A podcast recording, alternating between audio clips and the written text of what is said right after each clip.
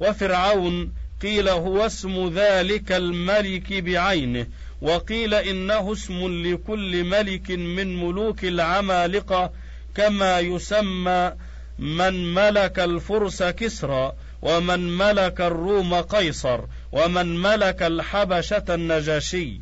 واسم فرعون موسى المذكور هنا قابوس في قول أهل الكتاب وقال وهب اسمه الوليد بن مصعب ابن الريان. قال المسعودي لا يعرف لفرعون تفسير بالعربية. وقال الجوهري إن كل عات يقال له فرعون. وقد تفرعن وهو ذو فرعنة اي دهاء ومكر. وقال في الكشاف تفرعن فلان إذا عتى وتجبر. ومعنى قوله يسومونكم يولونكم. قاله أبو عبيدة وقيل يذيقونكم ويلزمونكم إياه. وأصل السوم الدوام ومنه سائمة الغنم لمداومتها الرعي. ويقال سامه خطة خسف إذا أولاه إياها.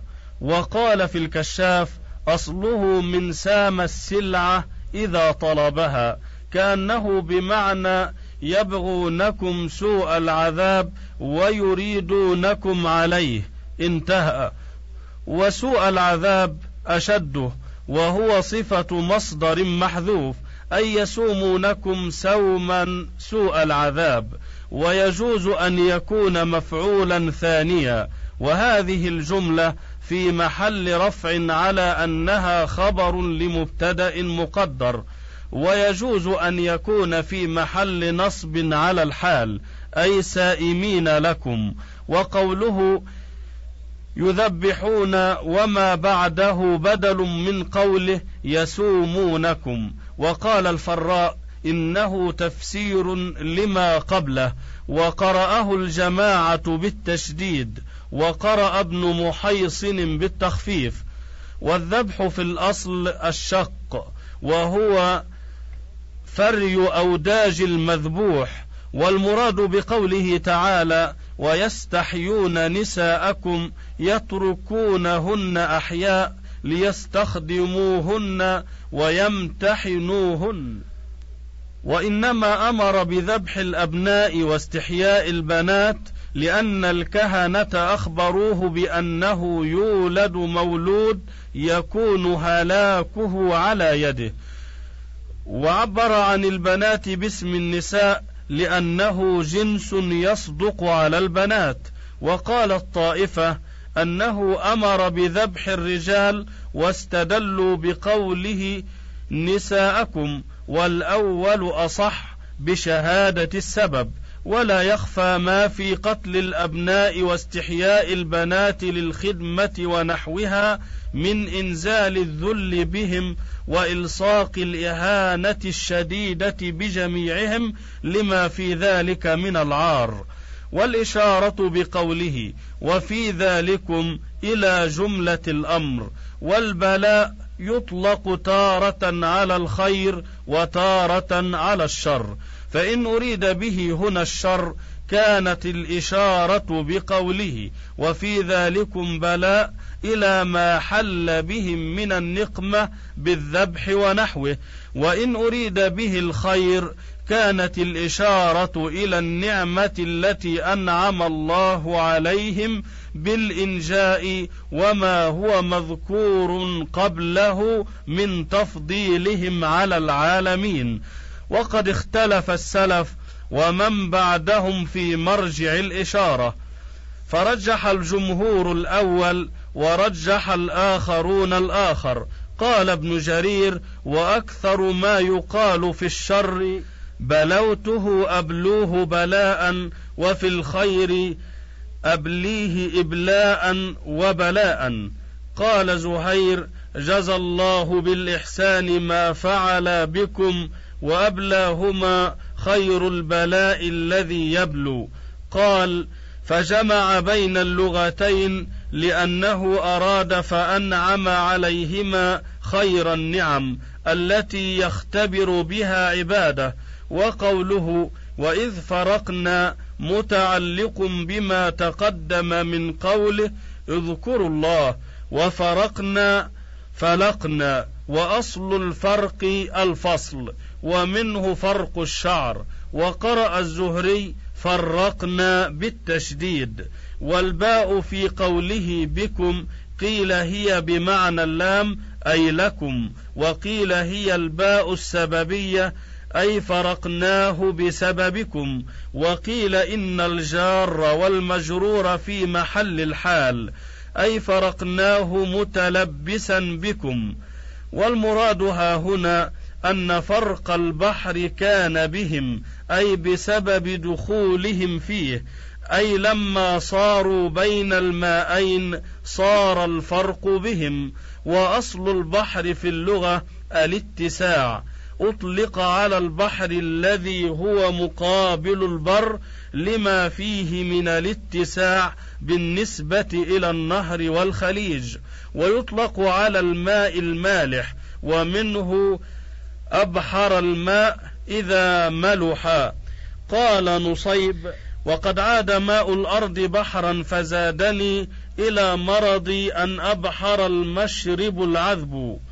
وقوله فأنجيناكم أي أخرجناكم منه وأغرقنا آل فرعون فيه.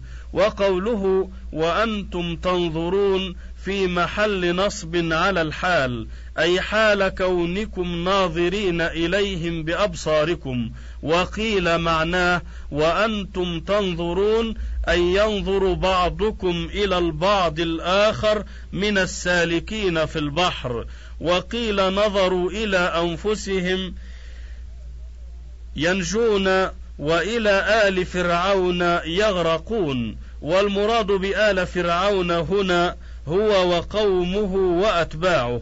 وقد أخرج ابن المنذر وابن أبي حاتم عن عمر بن الخطاب أنه كان إذا تلا اذكروا نعمتي التي أنعمت عليكم قال مضى القوم وإنما يعني به أنتم.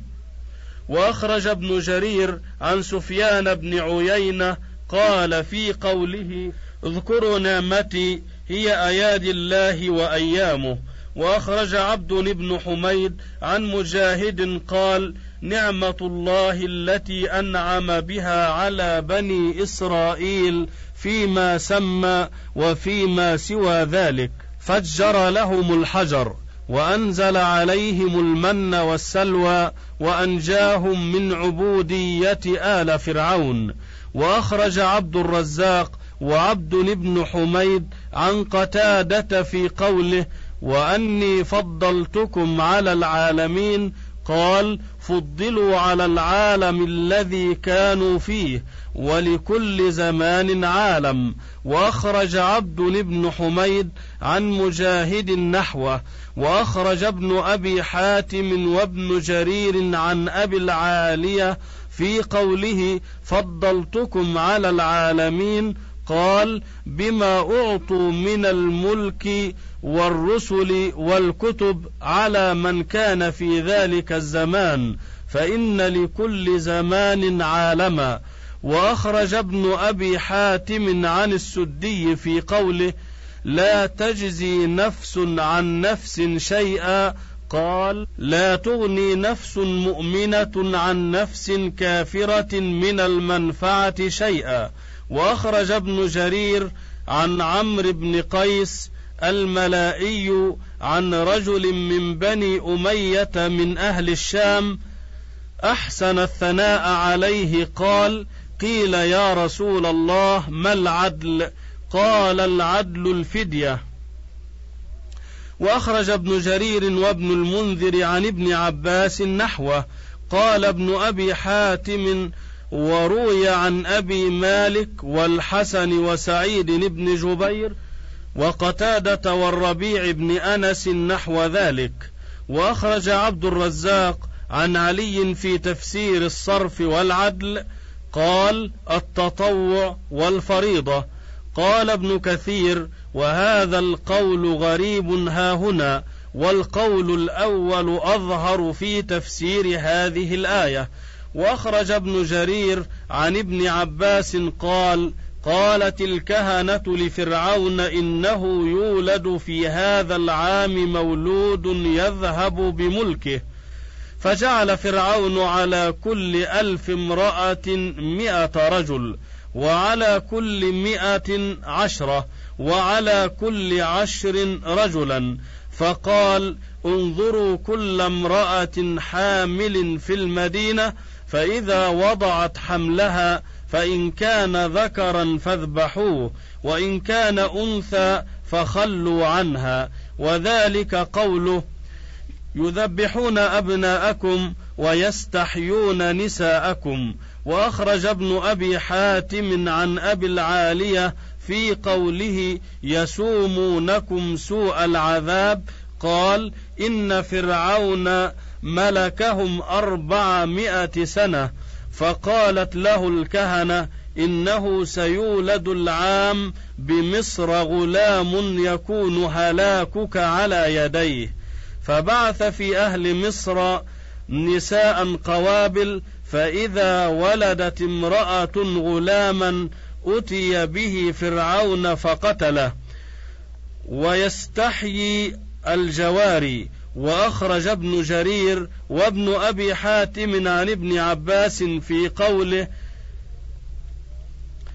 بلاء من ربكم عظيم يقول نقمة وأخرج وكيع عن مجاهد نحوه وأخرج عبد بن حميد عن قتادة في قوله وإذ فرقنا بكم البحر فقال إي والله لفرق البحر بينهم حتى صار طريقا يبسا يمشون فيه. فأنجاهم الله وأغرق آل فرعون عدوهم. وقد ثبت في الصحيحين وغيرهما من حديث ابن عباس قال قدم رسول الله صلى الله عليه وآله وسلم المدينة فرأى اليهود يصومون يوم عاشوراء فقال ما هذا اليوم؟ قالوا هذا يوم صالح نجى الله فيه بني إسرائيل من عدوهم فصامه موسى. فقال رسول الله صلى الله عليه وآله وسلم نحن أحق بموسى منكم. فصامه وأمر بصومه. وقد أخرج الطبراني وأبو نعيم في الحلية عن سعيد بن جبير أن هرقل كتب إلى معاوية يسأله عن أمور منها عن البقعة التي لم تصبها الشمس إلا ساعة فكتب معاوية إلى ابن عباس فأجابه عن تلك الأمور وقال: وأما البقعة التي لم تصبها الشمس إلا ساعة من نهار فالبحر الذي أفرج عن بني إسرائيل. ولعله سيأتي إن شاء الله تعالى زيادة على ما ها هنا عند تفسير قوله تعالى أن اضرب بعصاك البحر فانفلق فكان كل فرق كالطود العظيم وإذ وعدنا موسى أربعين ليلة ثم اتخذتم العجل من بعده وأنتم ظالمون ثم عفونا عنكم من بعد ذلك لعلكم تشكرون. واذ اتينا موسى الكتاب والفرقان لعلكم تهتدون واذ قال موسى لقومه يا قوم انكم ظلمتم انفسكم باتخاذكم العجل فتوبوا إلى بارئكم فاقتلوا انفسكم ذلكم خير لكم عند بارئكم فتاب عليكم انه هو التواب الرحيم قرأ أبو عمرو وعدنا بغير ألف ورجحه أبو عبيدة وأنكر واعدنا قال لأن المواعدة إنما تكون من البشر فأما من الله فإنما هو التفرد بالوعد على هذا وجدنا القرآن كقوله وعدكم وعد الحق وقوله وإذ يعدكم الله إحدى الطائفتين ومثله قال أبو حاتم ومكي وإنما قالوا هكذا نظرا إلى أصل المفاعلة أنها تفيد الاشتراك في أصل الفعل وتكون من كل واحد من المتواعدين ونحوهما ولكنها قد تأتي للواحد في كلام العرب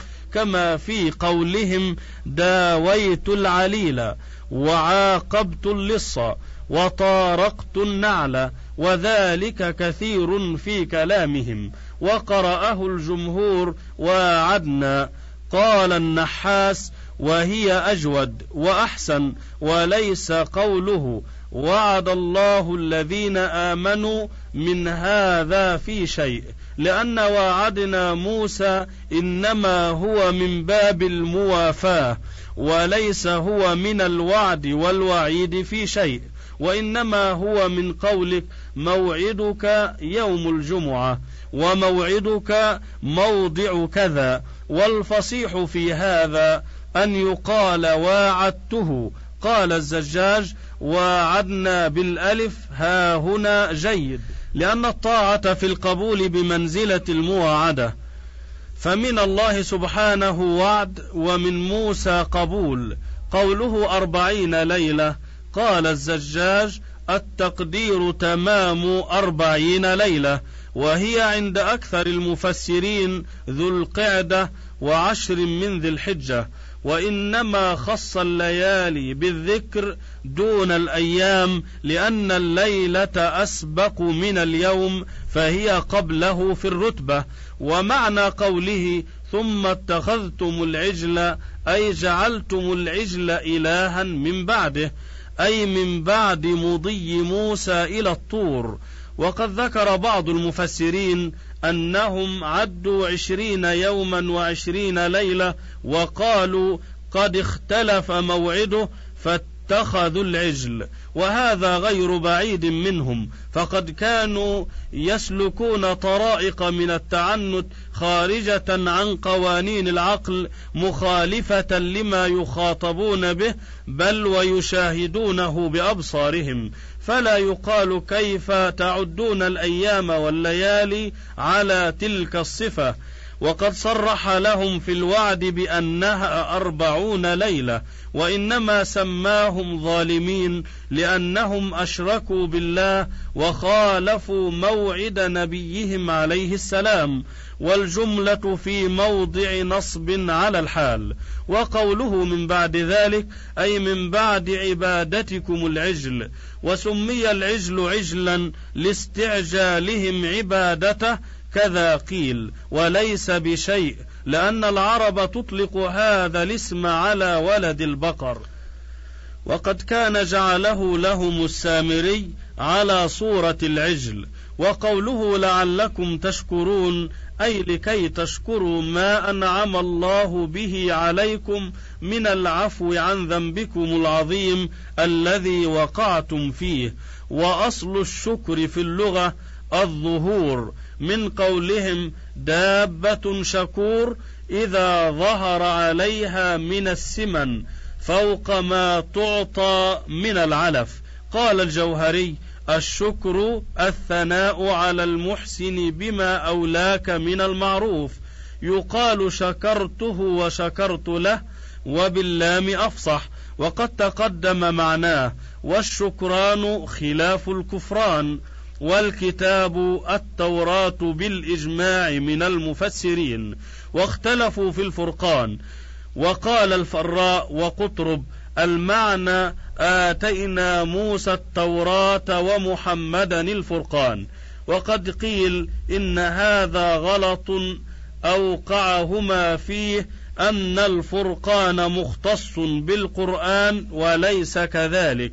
فقد قال تعالى ولقد آتينا موسى وهارون الفرقان وقال الزجاج إن الفرقان هو الكتاب أعيد ذكره تأكيدا وحكي نحوه عن الفراء ومنه قول عنترة حييت من طلل تقادم عهده أقوى وأقفر بعد أم الهيثم وقيل إن الواو صلة والمعنى آتينا موسى الكتاب الفرقان والواو قد تزاد في النعوت كقول الشاعر إلى الملك القرم وابن الهمام وليث الكتيبة في المزدحم. وقيل المعنى أن ذلك المنزل جامع بين كونه كتابا وفارقا بين الحق والباطل وهو كقوله ثم آتينا موسى الكتاب تماما على الذي أحسن وتفصيلا لكل شيء. وقيل الفرقان الفرق بينهم وبين قوم فرعون. أنجى هؤلاء وأغرق هؤلاء. وقال ابن زيد الفرقان انفراق البحر. وقيل الفرقان الفرج من الكرب. وقيل إنه الحجة والبيان بالآيات التي أعطاه الله من العصا واليد وغيرهما وهذا أولى وأرجح. ويكون العطف على بابه كأنه قال آتينا موسى التوراة والآيات التي أرسلناه بها معجزة له. قوله يا قوم القوم يطلق تارة على الرجال دون النساء ومنه قول زهير وما أدري وسوف إخال أدري أقوم آل حصن أم نساء؟ ومنه قوله تعالى لا يسخر قوم من قوم ثم قال ولا نساء من نساء ومنه ولوطا إذ قال لقومه أراد الرجال وقد يطلق على الجميع كقوله تعالى إنا أرسلنا نوحا إلى قومه والمراد هنا بالقوم عبدة العجل والبارئ الخالق وقيل إن البارئ هو المبدع المحدث والخالق هو المقدر الناقل من حال إلى حال. وفي ذكر البارئ هنا إشارة إلى عظيم جرمهم. أي فتوبوا إلى الذي خلقكم وقد عبدتم معه غيره. والفاء في قوله فتوبوا للسببية. أي لتسبب التوبة عن الظلم. وفي قوله فاقتلوا للتعقيب أي اجعلوا القتل متعقبا للتوبة. قال القرطبي وأجمعوا على أنه لم يؤمر كل واحد من عبدة العجل بأن يقتل نفسه بيده. قيل قاموا صفين وقتل بعضهم بعضا.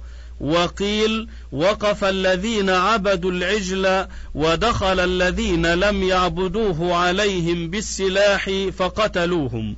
وقوله فتاب عليكم قيل في الكلام حذف أي فقتلتم أنفسكم فتاب عليكم أي على الباقين منكم.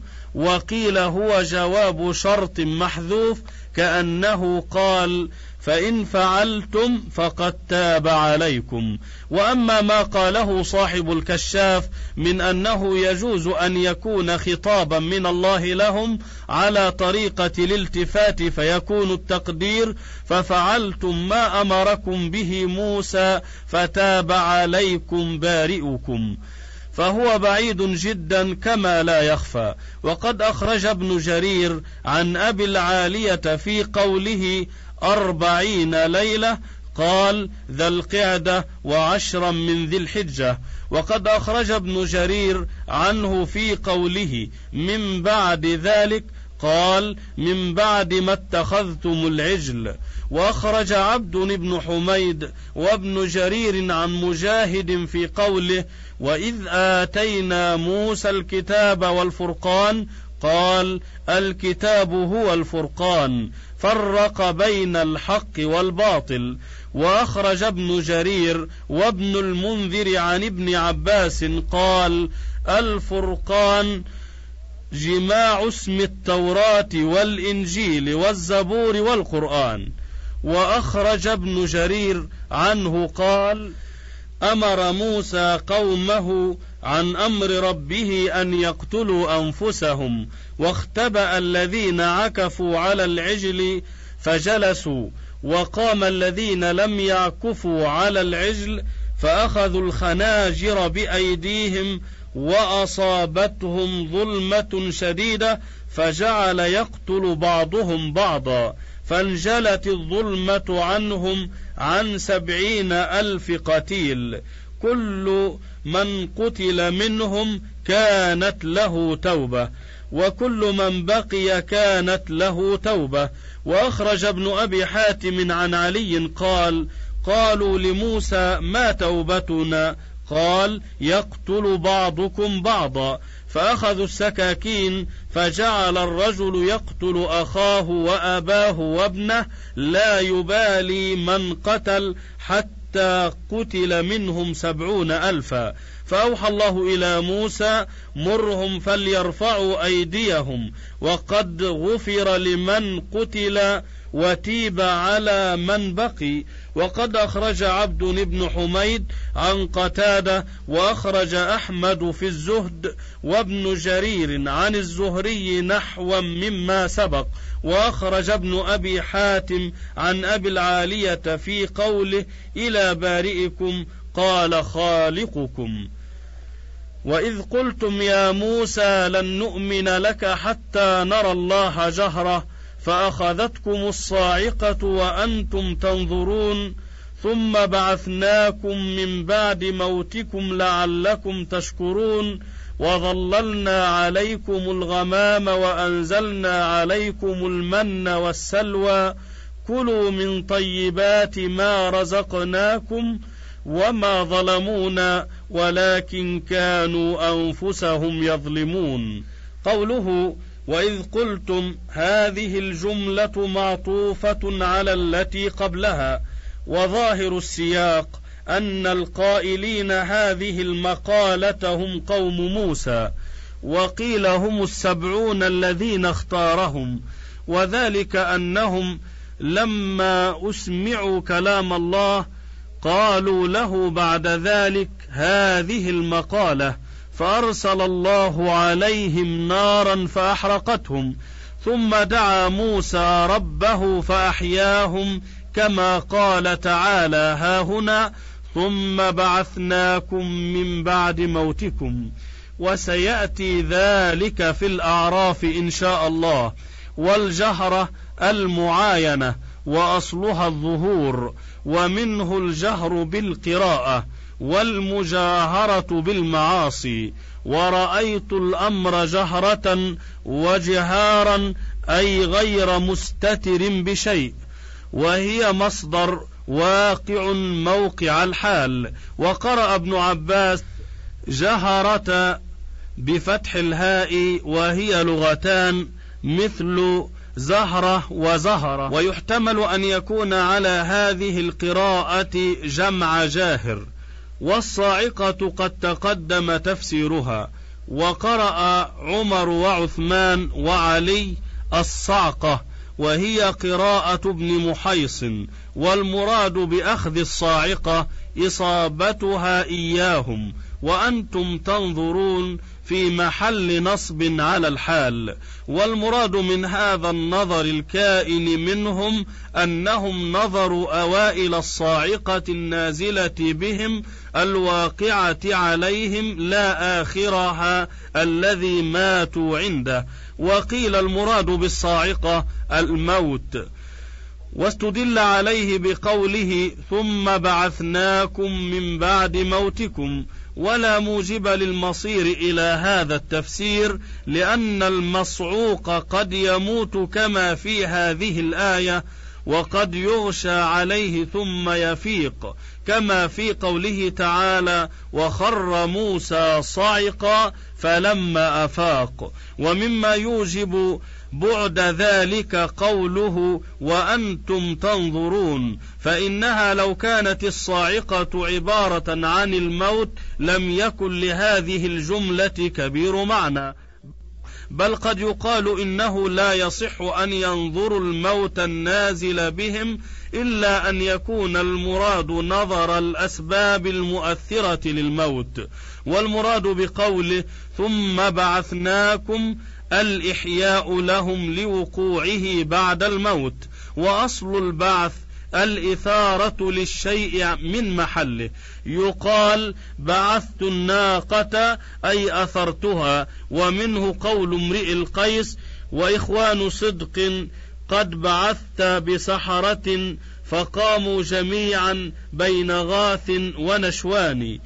وقول عنترة وصحابة شم الأنوف بعثتهم ليلا وقد مال الكرى بطلاها وإنما عوقبوا بأخذ الصاعقة لهم لأنهم طلبوا ما لم يأذن الله به من رؤيته في الدنيا. وقد ذهب المعتزلة ومن تابعهم إلى إنكار الرؤية في الدنيا والآخرة. وذهب من عداهم إلى جوازها في الدنيا والآخرة ووقوعها في الآخرة. انتهى الشريط التاسع. وللكتاب بقية على الشريط التالي.